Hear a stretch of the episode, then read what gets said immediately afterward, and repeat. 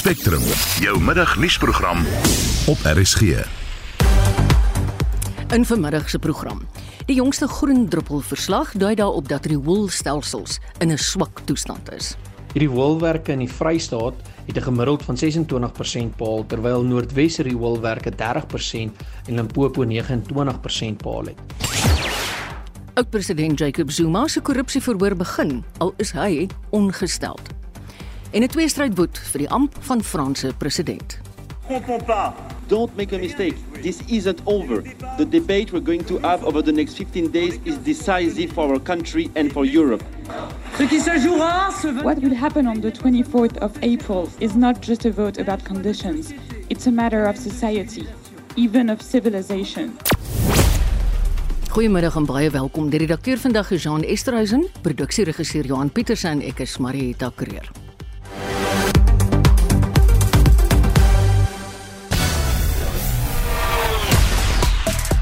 Die Proteas maak 'n 2 in 'n ry teen Bangladesh met 'n reuse toetsreeks oorwinning. Die wêreld se top golfspeler, Scottie Scheffler, nou ook die houer van die beroemde groen baadjie na sy oorwinning gister in die jaar se eerste major en die Blitsbokke nog steeds bo aan die sewes wêreldreeks punte leer al is hulle uiteindelik die naweek deur Fiji gestuit. Dit gons op Twitter oor oud-president Jacob Zuma wat nie vanoggend by sy korrupsieverhoor opgedaag het nie. Die hitsmerk daar is Zuma trial. En intussen praat mense nog steeds oor die voormalige burgemeester van die eThekwini Metro, Zandile Gumede, wat tot ANC voorsitter van die streek verkies is. Ons kyk na 'n samewerking tussen die luisteraars en Spectrum se redaksie. Daar word verwag dat die prys van 2 liter kookolie binnekort tot R120 sal styg. Nou dit sal uiteraard 'n negatiewe impak op baie verbruikers hê, omdat kookolie en dan praat ons hier van sonneblomolie as 'n stapel voedsel beskou word. Ons wil graag alles oor kookolie by die luisteraar weet. Hoe gebruik jy joune? Watter soort verkies jy en hoekom? Hoe sal jy hierdie verhoging hanteer? Seker net maar met moeite soos al die ander wat ons moet hanteer. Stuur gerus jou SMS na 45889. Hulle kos R50 of praat saam op ons Monitor en Spectrum Facebookblad. Jy kan ook 'n stemnota stuur na 076 536 6961. Spectrum, jou middagnuusprogram op RSG. Welkom terug is 1207. Dit gaan meer as 8 miljard rand kos om Suid-Afrika se riool- en afvalwaterstelsels tot basiese werksaamheid te herstel. Dis bekend gemaak in die regering se 2022 groen druppel verslag.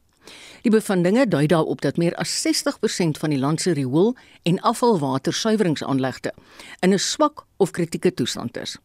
Afriforum sê dit is die eerste keer dat die regering sy blou en groen druppel verslag sedert 2013 bekend maak.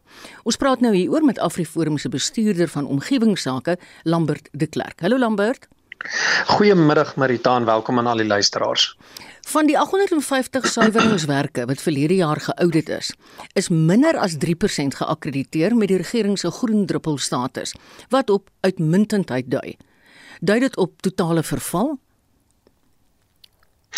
Jong Marita, ja, basies so dat ek dalk bietjie duidelikheid net gee vir die luisteraars daar buite is, is dat daar 'n verskil ook tussen die blou druppel en die groen druppel. Die blou druppel wat die verslag behels basies is 'n fokus op spesifiek die wateraanlegte wat betref basies die drinkwater wat jy in jou krane kry. Mm. Die groen druppel waar is nou weer uiteraard 'n fokus op spesifiek die uh uh die riool aanlegte. En as 'n mens praat van dit en die status wat hulle kry vir dit is dit 'n gehele prentjie van dit is nie net 'n prent van die kwaliteit van my water wat ek drink of die kwaliteit van water wat by die riool aanleg se uitlaat gaan weer terug in die stelsel nie. Dit is 'n kyk op die hele fokus van die van die aanleg. So hulle fokus op die pompe hulle fokus op die kapasiteit van wat die aanleg kan kan hanteer. Um Hulle kyk ook na die mikro en um, biologiese faktore wat beteken die kwaliteit van die water, so wat wat is in die water met betrekking tot nitrate, E. coli, uh, E. coli is byvoorbeeld jou riool inhoud ensovoorts. Ehm um, so dit is die algehele prentjie, maar net by basies as ons gaan vinnig gaan gesels oor die blou druppel, basies is omtrent 48% van van wateraanlegte is op 'n lae risiko kategorie kategorie ge, geskoei. Mm. Maar as 'n mens bekommerend is is as ek nou die negatiewe deel daar is ook 'n medium ris, risiko kategorie sowel as 'n hoë risiko en dan die kritieke risiko en dit is op drinkwater wat mense moet besef is is dat net op die hoë risiko is 136 aanlegte, so wat 11% van die aanlegte wat getoets is.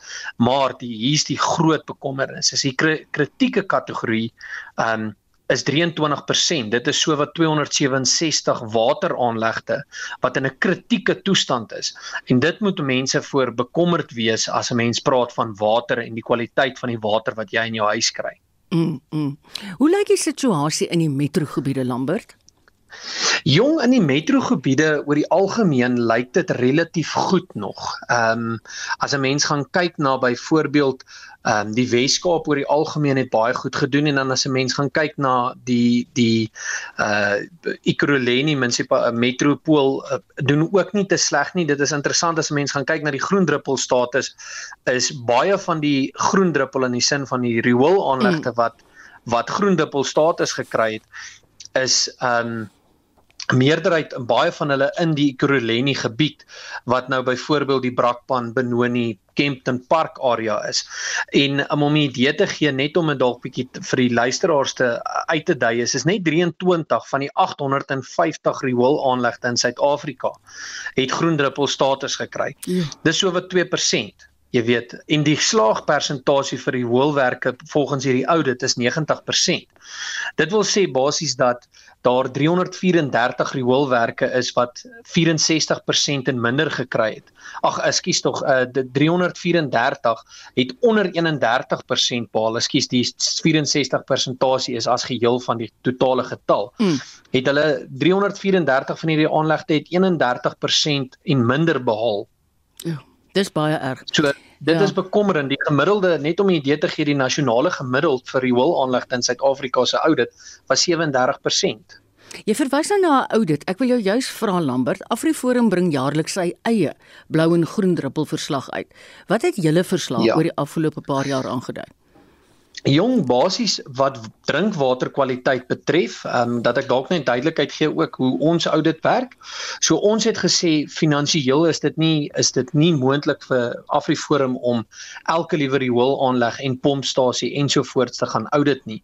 Ehm um, ons maak gebruik van ons vrywilligers daar buite uh, op takvlak en op ehm um, verskillende dorpe wat basies hierdie audits gaan doen. So ons fokus op die kwaliteit van water want met die kwaliteit van water gee dit vir jou indikasie wat aangaan gaan basies met die hele stelsel of die hele aanleg. So as die aanleg sou byvoorbeeld E. coli um, 'n um, groot hoeveelheid E. coli by die riool aanleg uitlaat loop, sê dit vir ons dat daar is nie go goed genoeg um gefokus om die werke eintlik regtig effektief te mm. hardloop nie. So mm. wat die drinkwaterkwaliteit betref, is meerderheid van ons dorpe wat ons toets se water nog nog ehm um, redelik of relatief alright. Dit kom wel deur dat ons byvoorbeeld so so rukkie terug waar Frankfurt 'n dorp was wat omtrent 'n week gelede tot 'n week en 'n half gelede het hulle riool in hulle drinkwater gehad wat mm. ons opgetel het. Ons het wel opvolgmonsters geneem en ons het die munisipaliteit op terme geplaas om vir hulle te sê dit is die stand van sake, hulle moet dringend toetree en die water het toe darm weer terug na normaal gekeer, maar dit is die tipe goed wat daar buite aangaan. Maar as 'n mens gaan kyk na die rioolaanlegte, dink ek daar was 'n handjie vol rioolaanlegte wat eintlik net voldoen het om nie om op die minimum standaarde mm riool te laat mm. uitkom in die sin van dat die E. coli telling moet uh, 1000 per 100 ml wees. En van hulle is daar 'n handjie vol en dit weerspieël presies wat ons eintlik die die afgelope paar jaar sien en eintlik kommer oorspreek na die die departement van water en sanitasie om 'n groot fokus te hê om hierdie rioolaanleg te reg te ruk. Ek wil jou vra, die die audit wat gedoen is deur die staat, die blou druppel verslag. Het 'n tekort aan ja. tegniese vaardighede by wateraanlegte in die land uitgewys. Hm, hm. Wat beteken dit vir ons verbruikers wat hierdie water moet drink? Jong, dit is 'n kommerwekkende wekkende statistiek. Ek sal dit so 'n bietjie vir jou van die statistiek gee. Hulle sê basies dat slegs 12% van die aanlegte het uitstekende tegniese vaardighede, terwyl 61% uiters swak tegniese vaardighede het. So dit beteken basies dit is die mense wat op die aanleg is, mm. wat fisies na die bestuur van hierdie aanleg toesien. En daar is 'n groot kommer dat hulle praat van, ekskuus vir die Engelse term, maar hulle praat van process controllers wat op hierdie aanleg te werk wat basies seker maak dat die die die kloordosering wat gebeur um reg is. Die vlokkie land wat seker maak dat die water al die vuil goed gevlokkuleer word en na onder toe gaan in die aanleg. Hulle kyk na al daai tipe goed op die aanleg. En dit beteken basies dat baie van hierdie aanlegte in Suid-Afrika en ek ek my opinie wat ek sien uit van die verslae wat al gelees is in die uit die uit die regering se verslae is baie van jou plattelandse dorpies die wat die meeste gebuk gaan onder hierdie kwessie mm. waar daar is nie die nodige tegniese vaardighede om hierdie aanlegte te hardloop en bestuur nie wat eintlik 'n groot bron van kommer kan wees vir die toekoms want dit beteken dat jy's nie altyd verseker dat jou water van skoon ja. skoon gehalte is nie Baie dankie. Dit was Lambert de Klerk. Hy's Afriforum se bestuurder van omgewingsake en ek weet jy het 'n belangrike afspraak Lambert. Ek hoop dit gaan goed daar. Die voormalige burgemeester van die eThekwini Metro, Zandile Gumede, is tot voorsitter van die ANC in die streek verkies. Dit word as 'n oorwinning vir die radikale ekonomiese transformasie faksie in die ANC beskou. Gumede staan egter tereg op korrupsieverwante aanklagte sal sy volg gevolge die ANC se op sy staande resolusie vrywilliglik haar nuwe posisie prysgee. Ons praat nou hier oor met die politieke beleidsontleder Theo Venter. Hallo Theo. Goeiemôre. Die op sy staande resolusie het Gumede nie weerhou om haarself vir die posisie beskikbaar te stel nie. Maar dink jy dit was sodanige slim skuif van die ANC? Wel, as jy praat van die ANC as 'n soort van 'n een eenheid, dan is dit waar die probleme begin. Oh. Mense moet waarskynlik praat van 'n faksie in die ANC. Maar ek dink die fout in die op sy staande resolusie ehm um, is dat ehm um, die fout sê of die die resolusie sê mense in verkose posisies moet op sy staan. En ek dink dis presies daar waar die ANC vir hulle self 'n bietjie in die voet geskiet het want dit laat dus enige iemand in die ANC of hy nou aangekla is of hy nie aangekla is nie dit laat hom toe om homself te laat nomineer. Met ander woorde dis hmm. grondwetlik in die ANC om genomineer te word as jy die potensiaal het om die a, a, om die ANC se naam in uh, in in uh, in in gedrang te bring. En dit is presies wat hier gebeur het. So ek dink die ANC gaan baie mooi moet kyk na die op sy staande resolusie want 'n mens as jy in 'n politieke party is wil eintlik verhoed dat sekere kandidate wat die groot risikopotensiaal inhou vir die goeie naam van die organisasie dat hulle verhoed word om in die proses betrokke te raak. Want hy sê sit nou met 'n dilemma uh, net soos wat ons in Mpumalanga gesien het. Uh, as iemand nou reeds verkies is dan moet so 'n persoon nou formeel in kennis gestel word om op sy te staan. Hmm. Nou daar alreeds sit 'n groot waardeprobleem in die organisasie. Mense behoort te weet dat jy nie jouself moet domineer as jy 'n risiko gaan inhou vir die party nie. Hmm. Maar omdat die party so verdeel is in faksies, ek dink ek neem mense groot kansse en dit wat ons nou gesien het in KwaZulu-Natal oor die naweek, die enigste ligpunt is eintlik dat hulle nie weer op mekaar geskiet het soos die vorige keer. Mm. Hulle het dan hierdie keer net lank gevat om aan stem te kom maar uiteindelik gestem. Ehm um, so dit is daarom dit is daarom positief, maar die uitkoms van die verkiesing is is negatief vir die beeld van die ANC en ek dink hoe gouer hulle hierdie saak regstel hoe beter en ek is bevrees ons gaan dit nog op 'n paar geleenthede sien voordat ons uiteindelik kom by die prisma waardeur ons hierdie jaar kyk en dis die prisma van die presidentsverkiesing in Desember ja. uh, in die ANC. Sy sou komediese verkiesing in die steen wat sy verred in KwaZulu-Natal ontvang beskou kan word as 'n tipe bloedneus vir Ramaphosa in die opkomende nasionale verkiesing. Kom ek gee net 'n bietjie perspektief voor ek die bloedneus vraag antwoord. um, KwaZulu-Natal het in 2017 ongeveer 25% van alle ANC takke verteenwoordig. So mm. dis 'n groot provinsie mm. wat betekenisvol is wanneer die ANC 'n leierskapskonferensie hou.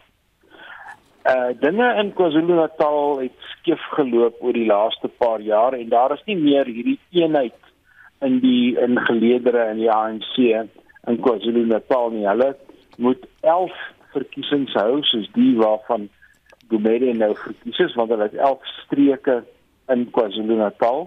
Die Ramaphosa kamp het reeds 4 van die streke in die sakkie wat hulle gewen het. Maar ek het twee nie of Durban, die groter Durban gebied is natuurlik die grootste streek wat uh, self 'n klomp afgevaardigdes na die konferensie toe staat stuur. So in daardie opsig dink ek is dit 'n terugslag, hmm. maar ek dink nie dis 'n bloedneus nie. Goed. Baie dankie Theo, ons het gepraat met die politieke en beleidsontleder Theo Venter. Dis nou bykans 20 oor 12. Oud-president Jacob Zuma en die Franse wapenvervaardiger Thales se wapenkorrupsieverhoor sou vandag in die Hooggeregshof in Pietermaritzburg begin het. Maar Zuma was nie by die hof teenwoordig nie op aanbeveling van sy dokters. Zuma se regspan het voortgegaan met 'n aansoek dat die saak weer uitgestel moet word. Is nie, is dit die klerk hou vandag vir ons al hierdie nuus gebeure dop. Wat het Zuma se regspan gesê? Hoekom is hy nie in die hof nie? Marita Zuma se regsverteenwoordiger advokaat Dalium Pofu het aan die hof voorgehou dat Zuma vanoggend in 'n mediese noodtoestand verkeer het. There was a medical emergency which took place in the past few hours, and we have been liaising with the doctors. The, the situation is being attended to. Nou die verdediging hoop om later vandag 'n verslag van sy mediese span te kry oor die presiese mediese redes. En tog is dit die hof voortgegaan om 'n aansoek van Zuma se regspan aan te hoor dat die saak weer uitgestel moet word. Dis reg Marita, Zuma se regspan het die aansoek gebring in die lig daarvan dat hulle die regter-president van die Appelhof, regter Mandisa Maya genader het om in te gryp in 'n heroorwegingsaansoek in die Appelhof. En dit is nou nadat die Appelhof verlede week Zuma se aansoek om verlof tot appel teen regter Piet Koen se Hooggeregshof uitspraak dat die staatsaanklaer advokaat Billy Downer hom nie van die verhoor hoef te onttrek nie van die hand gewys het. Betoog is aangehoor oor of regter Koen die diskresie het om die saak verder uit te stel in die lig van die heroorwegingsaansoek in die appelhof. Hier is advokaat Mpofu. Your Lordship does not have a discussion. If your Lordship does have a discussion, it's an extremely narrow one. The nub of the issue, which is the third element that I was going to go to, is the impact of a refusal on the applicants' constitutional rights. The Lordship will know that the general rule is expressed as follows. A court should be slow to refuse a postponement application where the constitutional rights are implicated. Nou advokaat Billy Downer namens die staat het betoog 'n verdere uitstel sal die verrigtinge net verder vertraag terwyl verskeie howe reeds uitspraak gegee het dat Zuma se petisie om hom as die aanklaer van die saak te verwyder geen redelike vooruitsigte op sukses het nie.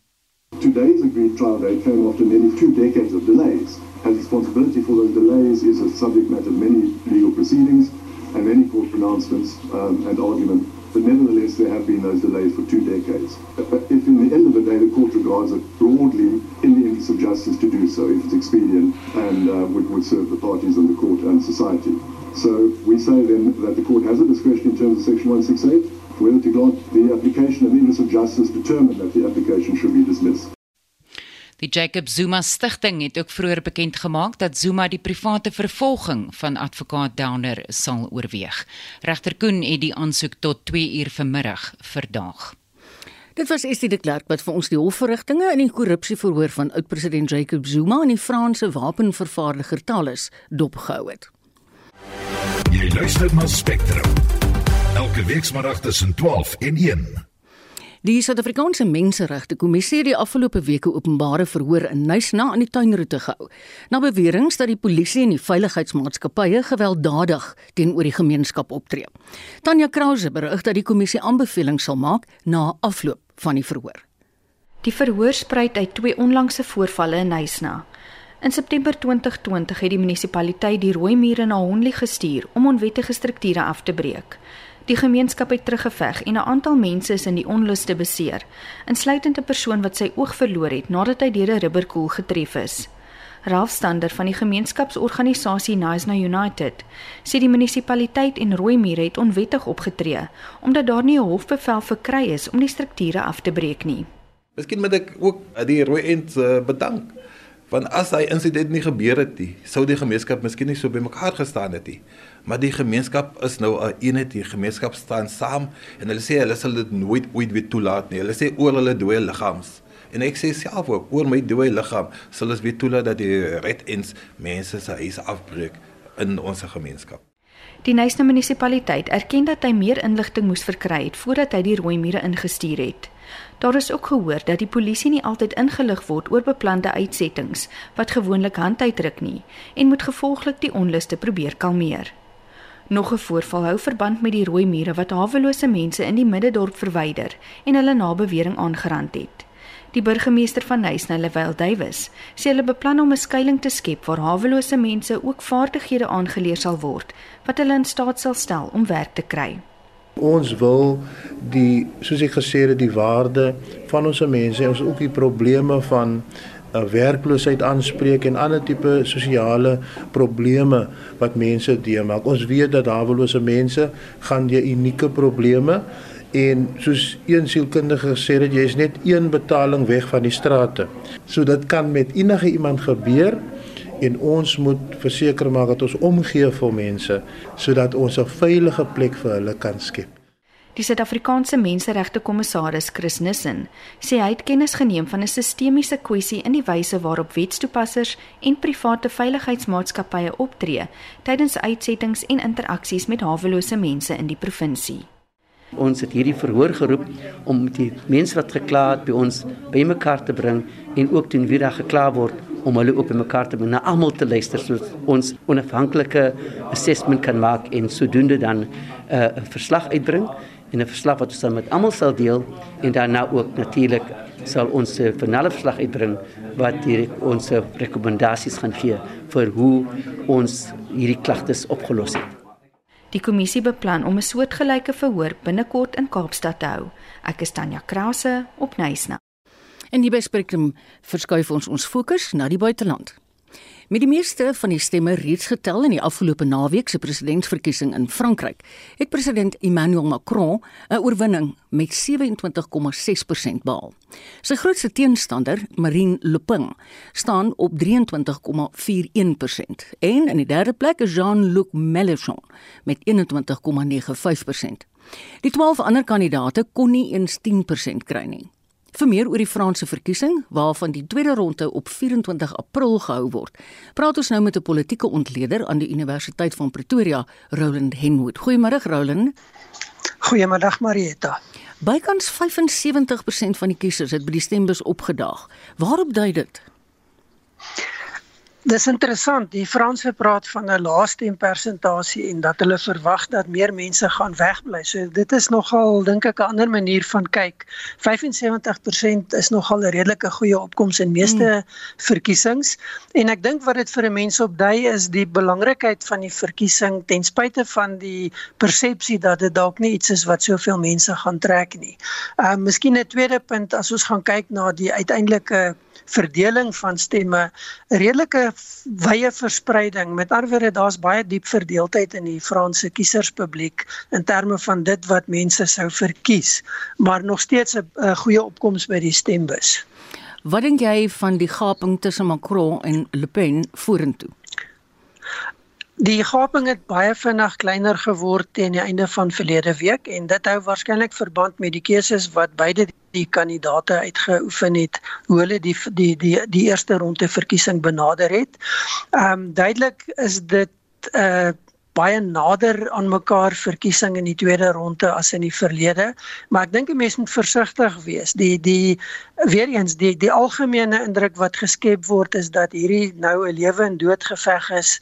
Um een van die meningsopnames sê dit is te na aan mekaar om om 'n uitspraak te maak en en dit dit is minder as 2% wat tussen die twee kandidaate lê. Maar dit is vreemd as ons gaan kyk na hoe die stemme verdeel is, as ons gaan kyk na wat gebeur het dan is dit waarskynlik nog steeds 'n verkiesing wat president Macron behoort te wen. En en ek sê nie gaan wen nie. Mm -mm. Die klem is op behoort te wen en hy behoort dit meer gemaklik te wen dink ek as wat die verwagting is. Ehm um, maar die gaping sal dalk kleiner wees as in die vorige verkiesing waar hy met 66% van die stemme gewen het. Lupin sê burgers moet kies tussen verdeeldheid en wanorde aan die een kant of 'n Franse eenheid wat maatskaplike geregtigheid waarborg. Is die keuse regtig so eenvoudig? Nee, dit is nie. Ehm um, sy het 'n baie slim veldtog gevoer. Ehm um, sy het haar beeld heeltemal verander in hierdie veldtog, baie sterk ingekom op die lewensomstandighede en die kwessies van lewenskoste. En dan iets wat sy nie baie beklemtoon nie, maar wat deurlopend deel van haar veldtog was, is 'n veldtog teen die Franse elite. En ek dink dit is waar die angel in haar veldtog nog steeds inkom. Sy het wegbeweeg van haar pro-Russiese standpunt, sy het wegbeweeg van die uittrede uit die Europese Unie uit. Sy het wegbeweeg van die ehm um, uitgooi van die die euro as 'n geldeenheid. So dis baie belangrike veranderinge wat sy gemaak het. Mm. Maar alhoewel sy eenheid praat, is sy nog steeds 'n anti-elitistiese veldtog wat sy bedryf. En dit kan natuurlik baie groot verdeeldheid en en konflik in die Franse politiek tot gevolg hê indien sy sou voortgaan daarmee. Ehm um, dis een ding om jou ontevredenheid oor beleid en leierskap uit te spreek, maar om teen die noem dit maar die establishment in jou samelewing te begin optree in 'n veldtog is iets wat waarskynlik baie groot ehm um, negatiewe gevolge kan hê. Dit sê nie jou elite is altyd reg en moet jy moet onderdanig wees mm, nie. Mm, mm. Maar dis iets anders om om oppositiepolitiek te bedryf en 'n belangrike gedeelte van jou gemeenskap uit te daag op hierdie manier. En ek dink dit is wat 'n klomp mense nog steeds versigtig maak vir haar. Wat sê ja, beeld is anders. Sy praat oor die sake wat belangrik is maar soos by die wese van die politiek en die beleid kom wat sy gaan volg, die styl van politiek, is daar nog steeds redelike skeptisisme oor haar as 'n potensiële president. Goed, baie dankie. Ons gaan waarskynlik baie met jou gesels na die ronde van die 24ste. Dis 'n politieke ontleder aan die Universiteit van Pretoria, professor Roland Henwood. Jy luister na Spectrum. Elke week saterdag tussen 12 en 1. In die nuus vandag, die regering hou vol. Die nasionale gesondheidsversekeringsplan sal in 2026 in werking tree. En die verhoor van vyf verdagtes wat beskuldig word van die moord op die voormalige kaptein van Bafana Bafana, Senzo Mjiwa, het begin.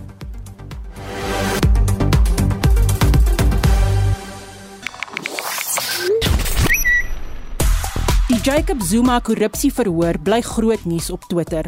En dan is daar groot vreugde nadat die Proteas Bangladesh met 232 lopies uitoorlê het. Die speler wat uitgesonder word is Keshav Maharaj wat weer sewe paaltjies laat kantel het. Ons het vroeër in die program gevra. Daar word verwag dat die prys van 2 liter kookolie binnekort tot R120 sal styg en dit is nou sonnebloemolie. Toe wou ons vandag by jou weet, hoe gebruik jy kookolie? Watter soort verkies jy en hoekom? En hoe sal so 'n verhoging hanteer word? Aletta Mikolopoulos laat weet. Ek gebruik baie min daai tipe olie. Ek verkies botter en olyfolie. Mani van Rooyen sê ek gebruik eerder skaapvet. Jolande van der Merwe skryf vetkoek gaan nooit weer dieselfde wees nie. Kom ons luister nou van die luisteraars se stemnotas. Leon Kap van Johannesburg. Ons besigheid is koeksisters wat ons pak. Ons gebruik 2 2 liters olie om in te gooi. Dit is 4 liters. Hey, hoe begin dit kos? En as jy die pryse gaan opsit dan hy die mense. Ai, wat gaan 'n mens doen? Dis Masha Collins van Kimberley. Hier het ons my vriend hulle wat al klaar 35 rand vir 750 ml olie vra. Ons kan nie kop of water hou nie. Dit is die wet van Transvaal, né? Spar se pryse is reeds op van Spar want ek wou gister gaan koop het. R150 vir 'n uh, gewone 2 liter olie. Maar die mense moenie stres nie, there's many ways to kill a cat. Gaan hierso na jou Indian of jou Pakistan winkeltjie toe waar jy jou sigarette koop. Daar het ek 'n 2 liter olie vir R36 gekoop. Dankie Lisa van Pretoria. En Marie Clark sê, pryse by vis en skyfie restaurante gaan beslis nou duurder word. Baie dankie dat julle vanmiddag saam gepraat het. En ek kyk daai klingel beteken net een ding. In sportnuus vandag saam met Udo Karelse, die Proteas het vanoggend binne die eerste uur van dag 4 die laaste sewe paaltjies van Bangladesh laat kantel om die reeks 2-0 te wen, né Udo? Absoluut. 2 weke in 'n ry wat hulle dit doen, maar jy het vir die tweede agtereen volgende toets het Suid-Afrika net 2 bowlers in 'n konfbeurt benut en dit is in sigself bietjie geskiedenis wat vandag op St George's Park gemaak is. In die eerste toets het speler van die reeks Keshav Maharaj en Simon Hamer 14 uit die 20 paaltjies geneem in Durban. By St George's selfs beter, maar Rajspog vanoggend met syfers van 7 vir 40 lopies, hamer op sy beurt 3 vir 34 en daarmee doen die SA draaier selfs beter met 'n gesamentlike 15 paaltjies in die wedstryd. Suid-Afrika vier dan 'n sege met 332 lopies om die reeks op verspot maklike wyse 2 niks te wen. Die laaste 7 paaltjies, soos jy reg gesê het in die inleiding vanoggend weer eens binne die eerste uur van spel, laat kantel Bangladesh almal uit vir 80 en dan kry ek so 'n halfdag se werk seker as kommentator. Oor die eerste golf major van die jaar is nou agter die rug en die Amerikaner Scottie Scheffler het oor 4 dae by Augusta beklemtoon hoekom hy die wêreld se topspeler is. Ja, ek seker 'n halfdag nodig want ek was opgewees eh, gisteraand om te kyk 'n laaste ronde van een onderbaan syfer het verseker dat Scheffler die groen baadjie na 'n vier strawwe dae van kompetisie oor sy skouers trek. Dis die eerste oorwinning in 'n major vir die speler wat met 'n 10 onderbaan syfer sy meesters voltooi het. Hy wen toe met 3 houe oor Rory McIlroy van Noord-Ierland wat ten spyte van sy beste ronde te ooit op Augusta, 'n 64 tevrede moes wees met 7 onderband syfer vir die toernooi. Die beste geplaasde Suid-Afrikaner, voormalige wenner natuurlik, Charles Schwartzel, en hy het op die laaste dag 2 oorband syfer aangeteken om gelykop te wees vir die toernooi om in 'n gesamentlike 10de posisie te eindig. Maar ek sien die Merseyside Polisiediens in die Verenigde Koninkryk het bevestig dat hulle 'n saak van aanranding ondersoek teen die Man United voorspeler Cristiano Ronaldo. Ja, is nou nie meer genoeg dat uh, Man United se uh, ondersteuners in die verleentheid gestel word met hoe die span speel nie, maar die voorval het in die spelerstonnel plaasgevind na Man United se 1-0 verlies teen Everton in die afgelope na die, die afgelope naweek. Al word berig dat Ronaldo 'n selfoon uit die hand van 'n Everton ondersteuner geklap het en hy het uh, vinnig op sosiale media om verskoning gevra vir die voorval, maar die groot frustrasie lê natuurlik met die ondersteuners van sy klub, mm. want die 1-0 uitslag is uh, nog 'n kans wat nou verbrou is om binne die top 4 te eindig en dus uh, dan te kwalifiseer mm. vir die Kampioene Liga. Die naweek se riller was egter die 2-2 uitslag tussen Man City en Liverpool. Dit het nou gister deurgekom. Die gelykop uitslag beteken dat Man City met 'n enkele punt bo Liverpool bly op 74 eh, punte met 7 rondes wat oorbly in die Premier Liga. Ai man, ek was so spyt toe ek die wedstryd gekyk het. Die arme Blitsbokke is toe nou in Singapore gestuit, maar daarom bly hulle nog bo aan die punte leer in die sewe wêreldreeks nou. Nee, dit dit moet een of ander tyd gekom het. Voor die naweek het die Blitsbokke rekord 6 agtereenvolgende reeks oorwinnings agter die rug mm. in die HSBC 7s wêreldreeks. Uh dis deur Fiji stopgesit die naweek in die kwart eindstryd uh, wat met 19 1914 met Suid-Afrika afgereken het. Die reeks is ook deur die uh, deur Fiji gewen danksy 'n 28-17 oorwinning oor Nieu-Seeland. Die Blitsbokke steeds reg bo soos jy gesê het aan die wêreldreeks punte leer op 98 punte. Is nou 'n volle 15 punte voor ons Australië en Argentinië albei met 83 punte. En dan kom ons net so vinnig vinnig terug in die Verenigde Rugby Kampioenskap kan die Suid-Afrikaanse spanne die paas naweek uh, paas naweek net bietjie asem skep Mariette vir, vir die Stormers is dit 'n geleentheid om net terug te kyk op 'n fantastiese paar weke waar hulle 5 agtereenvolgende wedstryde gewen het en nou die beste kans het uit die drie Suid-Afrikaanse spanne wat nog kan kwalifiseer vir die kwart eindstryd. Die Stormers sit uh, na die laaste ronde in 5de plek op die punte leer gelyk met punte uh, of liewer gelyk op punte met Munster in 4de die Sharks in 6de plek met 46 punte en die Bulletins in die laaste kwart eindstryd posisie in 8ste plek op 43 punte. Oudo baie dankie ons sal kyk wat ons vir jou kan doen wat daai ander halwe dag se salaris betref hoor. Dit was Oudo Karelse ons sportkommentator. Die weerdiens het 'n waarskuwing vir ontwrigtende reën wat tot oorstromings kan lei uitgereik oor sekere dele van Limpopo, Gauteng, Mpumalanga en KwaZulu-Natal. Ons praat nou met die voorspeller van die weerdiens, Quentin Jacobs. Hallo Quentin. Ja, maar maar Waarin is hierdie reën weer te wyte? Maar daar was 'n afsnylaag wat oor die land uh, ontwikkel het en dit het uh reën weer oor oor die grootste deel van die land uh, meegebring. Kan jy vir ons sê waar die hoogste reënvalsyfers die naweek was? Die hoogste reënvalsyfers vir gister, ek weet net nie presies of dit opgegaarde waardes is en of dit alles uh, Sondag was nie, maar die hoogste is uh Mabazamwa um Airfield 206 mm. Waar is hy geleë? uh, tussen KwaZulu-Natal okay. en Riverview in KwaZulu-Natal 128 uh, 127. Maar ek is nie presies seker of dit opgegaar is of nie. Ja.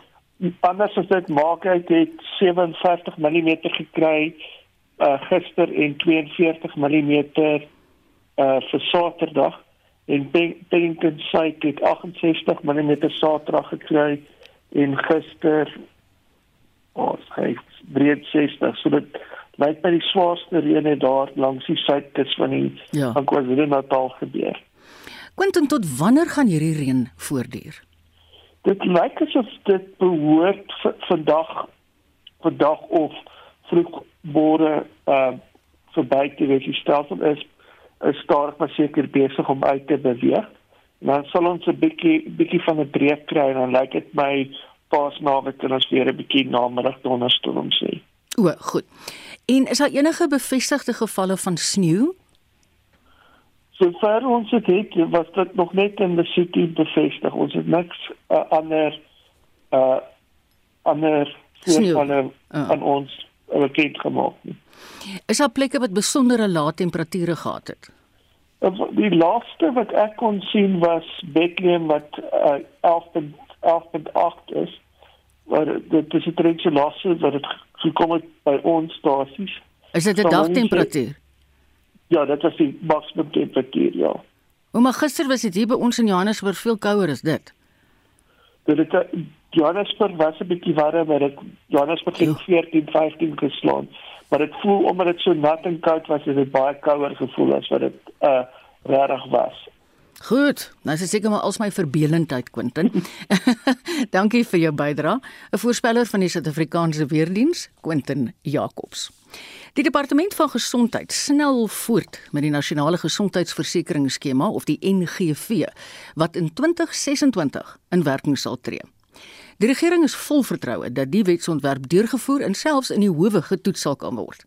Vir meer oor die uitdagings praat ons nou met die ekonomiese navorser by die Solidariteit Navorsingsinstituut, Teens Dubison. Hallo Teens. Goeiemôre, lekker om hier te wees. Dankie. Wat is die jaarlikse koste van so 'n skema en hoe gaan dit befonds word? Wel die ehm um, totale koste van die skema gaan hier by die 400 miljard wees. Ehm um, en dit sal lei tot 'n verdere begrotingstekort want van tuis Suid-Afrika um, word reeds aan staatskant teen 'n reuse begrotingstekort ehm um, bedryf dit sal volgens die nuutste skattings en voorspellings aan ons kant sal dit 'n uh, verdere ehm um, tekort van sê 164 miljard meebring en dit sal dan um, befonds word deur belastings te verhoog. Um, ja, dit is nou 'n baie kritiese vraag dan want ek wou vir jou sê waar gaan hulle geld kry by ons? Ja, by ons ehm um, baie duidelik daar's geen ander manier nie. Jy kan of die staat kan uit van twee plekke af ehm um, geld kry dis of nou van ons of hulle kan dit leen en dan kry hulle dit basies met rente mm. in die toekoms van ons. Mm. So dit sal kortom elkeen van ons uh, persoonlike belasting met ongeveer 'n kwart verhoog.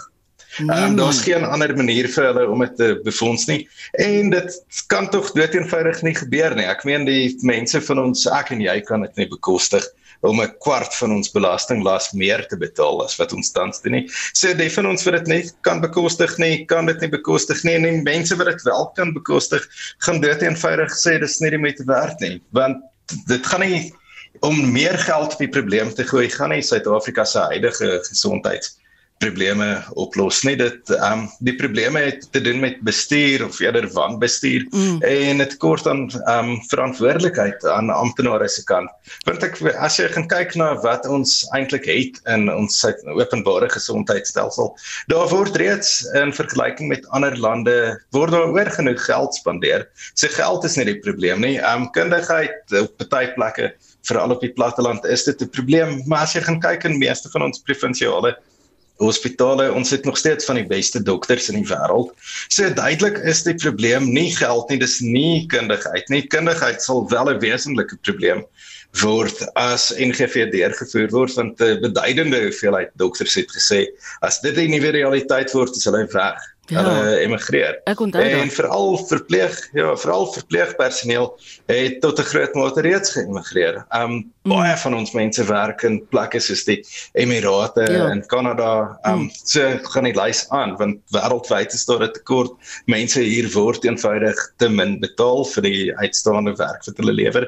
En ons opleidingsinstansies uh, vir vir veral verpleging is nog steeds van 'n verskriklike hoë standaard oor die algemeen. Ja. Ehm um, so ons mense is in aanvraag in die buiteland. So Mm. as NGV inkom en jy sê jou betaling bly dieselfde maar jou werkklas word baie meer o, en van jou betaling gaan jy nou 'n kwart meer vir die staat moet teruggee. Hoekom gaan enige iemand in die mediese sektor bly?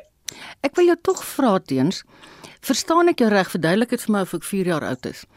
Ek wat op die oomblik bydra tot my eie privaat mediese skema. Ek sal dan nou ook daarby komend bydra tot die nasionale skema vir die regering. Ja, um, die nasionale skema sal jou mediese fonds heeltemal vervang.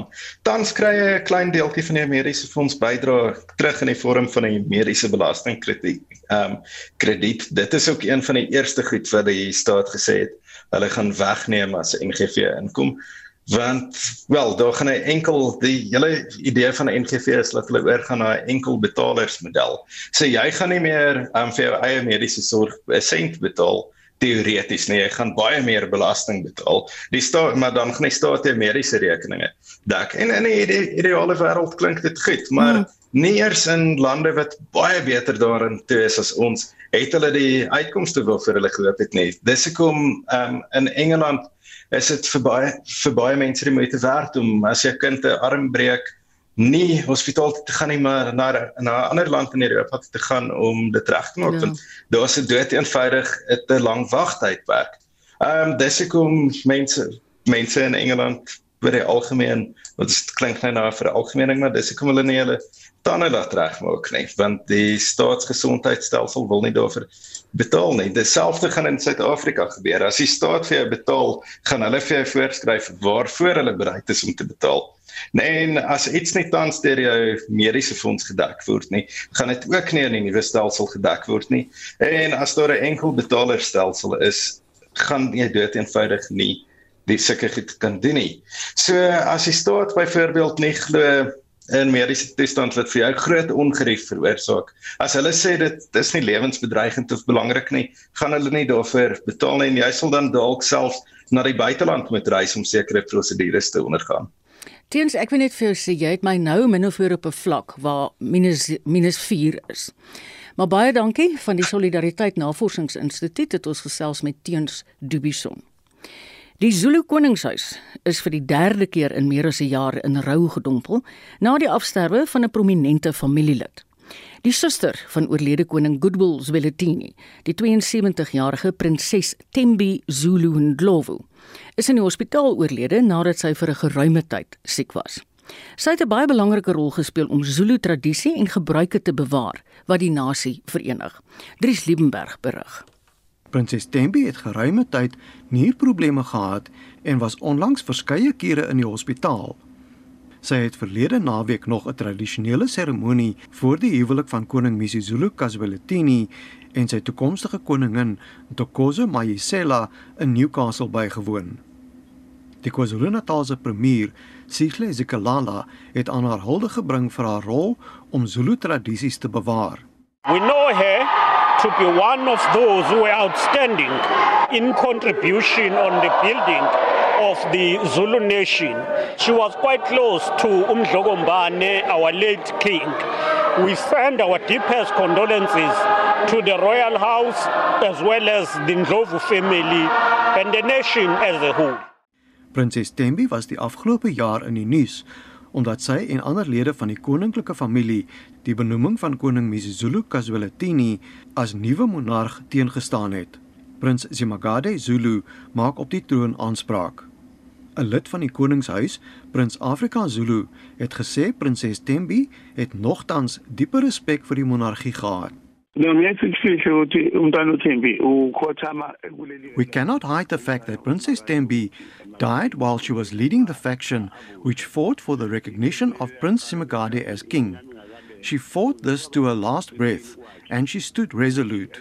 However, she maintained her respect for the monarch and she should be remembered as someone who had deep respect for the monarch, not just as someone who opposed King elect Misizulu. Die tradisionele eerste minister, Prins Mangosuthu Buthelezi, sê dis 'n jammerte dat die diepe verdeeldheid nie uit die weg geruim is voor prinses Thembi se afsterwe nie.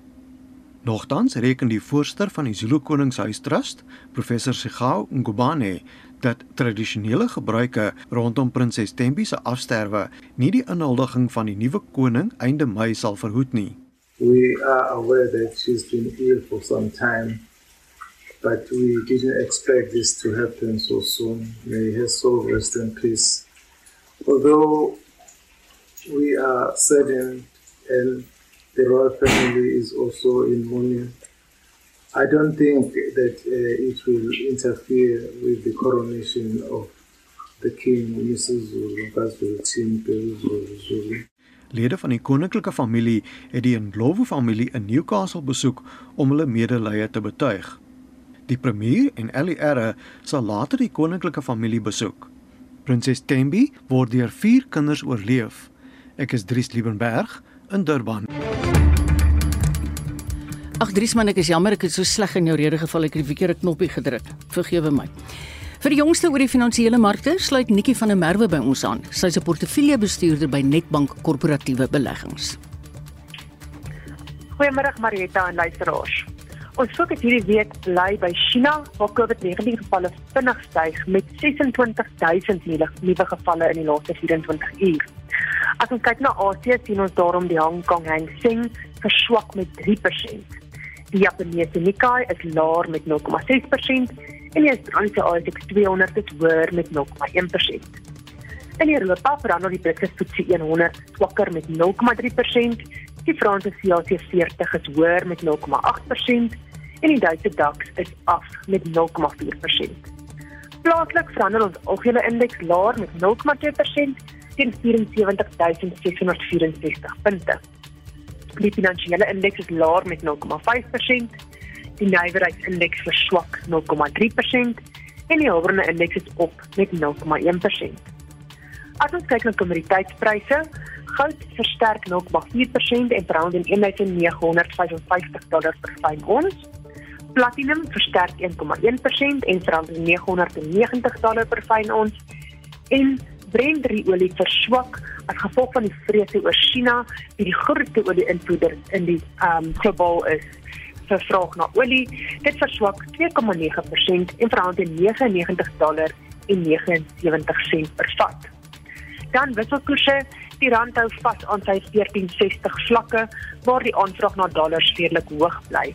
'n dollar is dan teen R14.60, 'n pond rand teen R19.03 en 'n euro rand teen R15.92. Die R186, ag, ekskuus, dan rentekoerse, die R2030 staatsefek is onveranderd en verhandel teen 9,6%. Die week wat voorlê lyk redelik stil, maar luisteraars kan op die uitkyk gee vir die volgende datapunte. Suid-Afrika se vervaardigingsproduksiesyfers word bekend gemaak. 'n Stygings in kleinhandelverkope van 1% maand op maand word verwag en laastens die mynbouproduksiesyfers vir Februarie word bekend gemaak. Baie dankie. Dankie Nikki. Dis gaaf van jou. Dit was Nikki van der Merwe, 'n portefeuljebestuurder by Netbank Korporatiewe Beleggings.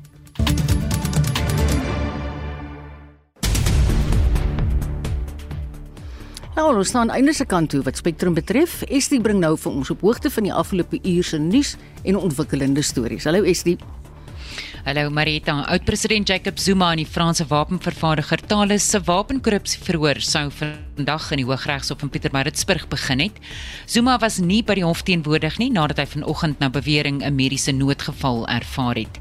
Sy regspan het egter voortgegaan om 'n aansoek te bring dat die saak weer uitgestel moet word en die staat sê dit sal net verdere vertragings veroorsaak in 'n saak wat reeds byna 2 dekades lank vertraag word. Die voormalige burgemeester van die eThekwini Metro, Zandile Gumede, is tot voorsitter van die ANC in die streek verkies. Sy het groot ondersteuning van die radikale ekonomiese transformasie faksie in die ANC, veral in KwaZulu-Natal.